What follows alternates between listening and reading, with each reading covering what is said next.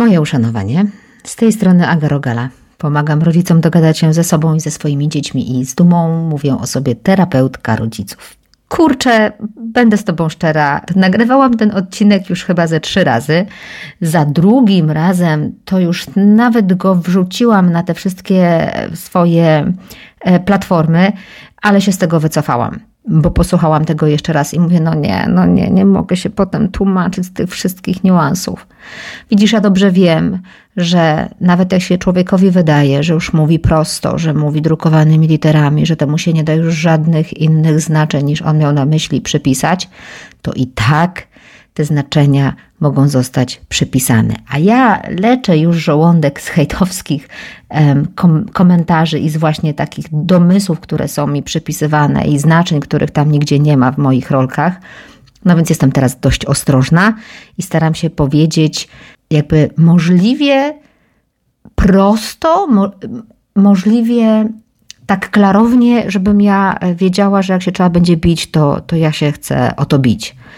I ten temat, który chcę dzisiaj poruszyć, jest dla mnie bardzo ważny, w tym sensie, że spotykam się z nim na e, konsultacjach czy na terapii par, a zarazem wiem, że muszę tu zrobić kilka takich gwiazdek, e, zanim e, opowiem Ci o tym, co dzisiaj. Gwiazdka numer jeden. Ten odcinek nie jest dla par, w których jedna ze stron jest ekonomicznie wykorzystywana albo nosi na swoich barkach rzeczywiście zdecydowanie większy ciężar obowiązków domowych i, i wszystkich innych w porównaniu z tą drugą osobą. To nie jest o tym.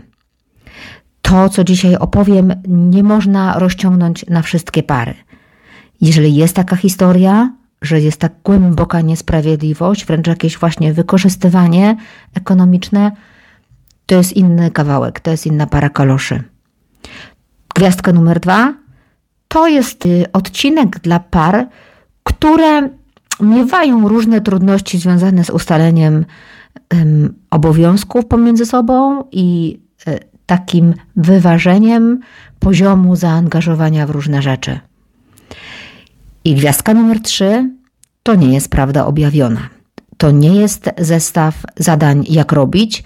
To nie jest jedyna dobra zasada, reguła postępowania i pewien przepis na sukces. To jest coś, co ma dać do myślenia, a najlepiej to, żeby był takim przyczynkiem do rozmowy, która się odbywa pomiędzy żoną i mężem, która to rozmowa służy temu, żeby oni jako para się rozwijali indywidualnie i wspólnie dla dobra tego swojego związku i rodziny, którą tworzą. No dobra, no to jedziemy z tym koksem. Konkurs na to, kto ma gorzej. Postaram się to powiedzieć możliwie możliwie jasno. Chodzi mi o takie sytuacje, w których jedna strona jest przekonana, jedna strona związku jest przekonana, że jej pozycja, jej praca, jej e, sytuacja w tym układzie rodzinno-związkowym jest znacznie gorsza niż sytuacja tej drugiej strony. I, I znowu, pamiętaj o tych gwiazdkach. Ja nie mówię o sytuacjach, w których rzeczywiście dzieje się faktycznie obiektywnie dramat. Mówię o sytuacjach, w których jedna ze stron tak to odbiera, tak interpretuje rzeczywistość. Wiesz, czemu to jest problem? Jest to problem dlatego, że jeśli zorganizujesz sobie w głowie konkurs na to, kto ma gorzej i ty masz zwyciężyć, to zobacz w ogóle, w jakim konkursie chcesz wygrać udowodnić, że jesteś bardziej nieszczęśliwy czy nieszczęśliwa w tym związku niż ta druga strona. I co robisz? I zbierasz na to dowody. Że tu, że tu, że tu dajesz więcej, musisz więcej, robisz więcej. To jest straszne. To jest straszne bo my nie jesteśmy obiektywni. My nigdy nie będziemy obiektywni jako ludzie. To jest zawsze jakieś subiektywne spojrzenie. Nie mamy daru widzenia wszystkich argumentów w jednakowy sposób, postrzegania świata jakby porówno, y, zarówno swoimi oczami, jak i z takim swoim wewnętrznym spojrzeniem. Nie ogarniamy wszystkiego porówno. Wyraźnie widzimy to, na czym koncentrujemy wzrok. Znowu, fizycznie, ale też tak w przenośni. Więc jeśli uważasz, że ty masz gorzej i zbierasz na to dowody, to patrzysz na tę otaczającą cię rzeczywistość domowo-rodzinną i związkową i wyszukujesz dowody na to, że tak właśnie jest. No jest to toksyczny układ dla związku, bo to w ogóle nie jest nastawione na rozmowę, budowanie, na e, jakieś e, mm, na, na, na dogadywanie się. Jedna, kobieta, którą znam, powiedziała mi kiedyś, że tak bardzo ją wkurzało, że mąż E, zostawiał brudne skarpetki gdzieś tam w miejscu, w którym nie powinien był zostawiać, że któregoś razu zapakowała mu te brudne skarpetki do torby wespół ze śniadaniem do pracy. I uznała, że to jest bardzo fajny sposób na to, żeby mu pokazać, że przegiął. Kurczę, ja mam problem z takimi akcjami, wiesz? Ja mam takie poczucie, że jeżeli wchodzimy na taką ścieżkę, to zaczynamy się koncentrować na dowalance. To jakby, kurde, z kim ja mam być bliżej, bardziej, jakby szczerze budować w prawdzie, bez jadu, bez sarkazmu, bez ironii, niż z tą osobą, z którą sobie żeśmy powiedzieli, że zostajemy do końca życia, niż z tą osobą, którą wpuszczam do swojego serca i ciała dość tak jakby e, na całego. No to, no to co? No to teraz będę kombinować, jak jej na złość zrobić, dopiec, upokorzyć, paluchem pokazać. To jest takie rety. To jest, to jest bardzo nie moje.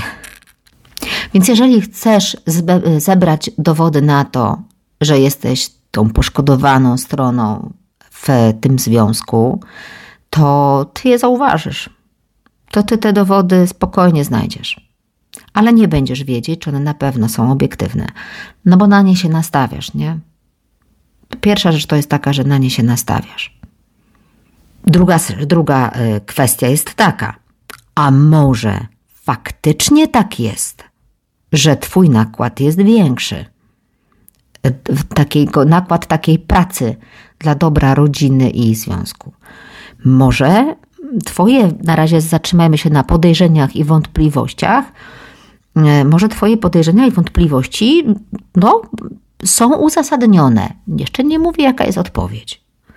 Po pierwsze, jeżeli tak jest, jeżeli masz takie wątpliwości, myślisz sobie już tak, to obiektywnie przerabiam w swojej głowie i coś czuję, że to jednak jest niesprawiedliwość, mi się dzieje, to proszę cię, po pierwsze, zanim przystąpisz do ataku, rozważ, czy na pewno tak właśnie jest. Powiem ci przykład. Mamy y, u nas w domu pokój do pracy. Dwa biurka. Przy jednym mój mąż, przy drugim ja. No i pracujemy sobie oboje któregoś razu. W trakcie dwóch godzin pracy przy tych biurkach. Ja powiesiłam pranie, nastawiłam obiad i e, zdążyłam się pokłócić z nastolatką, potem pogodzić z nastolatką i zagrać w jakąś grę z y, najmłodszym naszym dzieckiem. W ciągu tych dwóch godzin żadnemu naszemu dziecku do głowy nie przyszło przyjść z jakąś sprawą do taty, no bo on pracuje. No i teraz, patrząc na tę próbkę, czy nie jest tak, że to ja jestem tutaj bardziej obciążona? Ileż można opowiedzieć o tej sytuacji, w której matka oczywiście musi być kucharką, sprzątaczką, praczką, yy, naprawiaczką i Bóg wie co tam jeszcze i do, podzielić to z pracą zawodową, no i no jawna niesprawiedliwość, nie? W konkursie na to, kto ma gorzej, wygrałam. Ale jak rozszerzysz sobie tą próbkę czasową, to zobaczysz, że ja będę przy tym biurku jeszcze ze dwie godziny, a mój mąż będzie jeszcze przy swoim biurku z 6-8, że jego praca taka jest, że polega na siedzeniu przy biurku i nie przeszkadzaniu mu prawie cały dzień i to on zarabia na dom, tak na dobrą sprawę, na wakacje, na wszystkie nasze potrzebne rzeczy. I choćby skały srały, to ja i tak nie jestem w stanie, nawet gdyby mi nikt nie przeszkadzał i miałabym nieograniczone możliwości, zastąpić go w tej roli. Bo to jest po prostu taka branża. Ja nie dam rady poradzić. W mojej branży się finansowo nie zarabia tak jak w jego. Więc to jest na jego ramionach, ta nasza pięcioosobowa rodzina i dom. No to kto ma gorzej? To czy znaczy, że teraz on wygrał w tym konkursie? To kto w końcu wygrał w tym konkursie? No kurde, bez sensu jest ten konkurs organizować w takim razie. Jaka próbka czasu będzie dobra dla ciebie, żebyś zobaczył, zobaczyła, kto ma gorzej, kto powinien wygrać w tym konkursie, jeśli go organizujesz. Bo wiesz, kurczę, zawsze będzie niesprawiedliwie. Kurczę, są takie sytuacje, takie, taki powiedziałabym czas w życiu, kiedy w, w życiu rodziny, kiedy mam wrażenie, że trochę będzie ciężko zrobić tak, żeby się ze wszystkim podzielić porówno i żeby było takie poczucie, że nie masz gorzej, że którejś z nas nie ma wybitnie gorzej. No pomyśl na przykład o sytuacji, kiedy jest niemowlę. Kiedy y, no jest po prostu taki czas, że to niemowlę ma taką relację, jak Y, narkoman z heroiną. Po prostu to są te same rzeczy się w mózgu dzieją. I to dziecko jakby zasysa tą życiową energię tej matki. No i ona wstaje w nocy, nie? Ona jakby się martwi bardziej, on bardziej, no w sensie cały czas monitoruje to dziecko i ten. No i teraz, no ma ewidentnie gorzej, jakby tak popatrzeć na, na ten element opieki nad dzieckiem, Y, to ona jest zdecydowanie eksploatowana bardziej. Ale z drugiej strony, naprawdę znam wiele takich wypadków i potrafię sobie wy, wy, wyobrazić takie wypadki, kiedy no, sytuacja wygląda tak, że ona jest tak eksploatowana na polu y, dziecko, ale na barkach faceta jest to, żeby utrzymać rodzinę, Rozumiesz, to nie jest takie pitu-pitu, kiedy zostajesz tym facetem, na którym się wspiera dom, na którym polega żona, i to żona, która w tej chwili jest zmęczona, niezadowolona i może być ciężko się z nią dogadać, bo ona po prostu i hormony, i zmęczenie, i to wszystko to się daje we znaki. Więc on jakby tutaj zdarza się, że no ciężko naładować baterię i, i ma taki, i rosną takie rzeczy w głowie, jak na przykład nie lubi tej swojej pracy, nie znosi jej, a siedzi w niej, bo na przykład jest dobrze płatna albo daje umowę na stałe, a on musi myśleć przecież o rodzinie, o kredycie, o tym owym, nie? I wraca do domu i bardzo często w drzwiach dostaje dziecko, bo ta kobieta już po prostu ciśnie y, do ostatka i czeka, aż może wróci, żeby się przez chwilę dzieckiem zajął. I obie strony są zmęczone. Nie? Obie strony są zmęczone. Nikt tutaj nie spał do góry brzuniem. I co teraz sobie zrobimy ten konkurs? Teraz orzekniemy, kto ma gorzej? Będzie ciężko. Bo jak spojrzysz na noc, to ona. Jak spojrzysz na dzień, no to ja nie wiem, kto zdecyduje. Pewnie znowu zależy od próbki czasowej. Jak dziecko śpi, czy jak nie śpi? Hm? Albo jak w pracy była przerwa na kawę, czy jak opieprzał go gdzieś tam szef jakiś. To kto miał? niefajniej. A jednak to sobie robimy. A jednak to sobie robimy w związkach.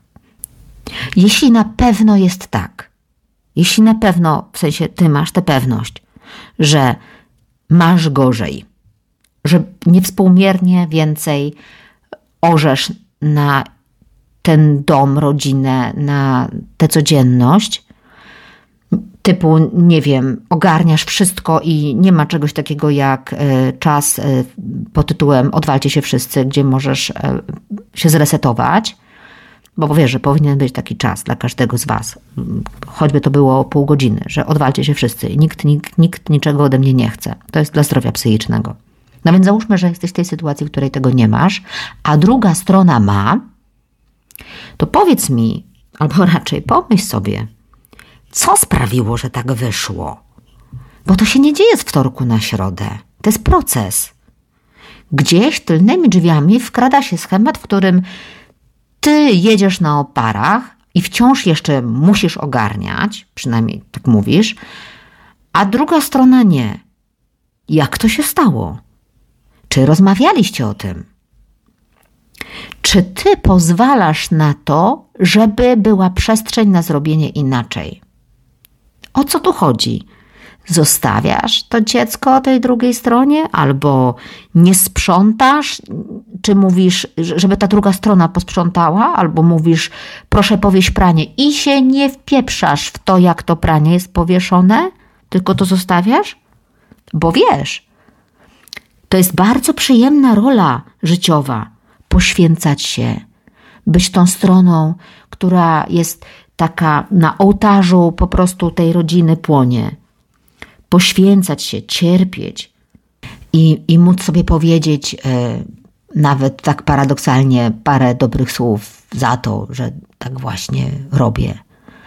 Albo nawet jak sobie nie mówisz za to parę tych dobrych słów, to wydaje się, że dużo trudniej jest zrobić zmianę niż jechać na tych oparach, ciągnąć samemu ten wózek i wściekać się w myślach, że y, ta druga strona nie jest tak zaangażowana, nie poświęca się tak mocno, nie robi z takim e, tak do ostatka sił jak ty. Proszę cię, upewnij się, czy przypadkiem nie jest to miła rola. Paradoksalnie miła, bo to jest taka, wiesz, rola w granicach strefy komfortu. Ja wiem, jak obsługuje się taką rolę, to nie będę tego zmieniać. Oczywiście rzadko kiedy to jest świadome. Bo tu wiem, jak to się robi, kiedy się orze. Ale tak, tak przerwać albo tak jeszcze powiedzieć komuś? Chyba dobrnęliśmy do końca tego tematu.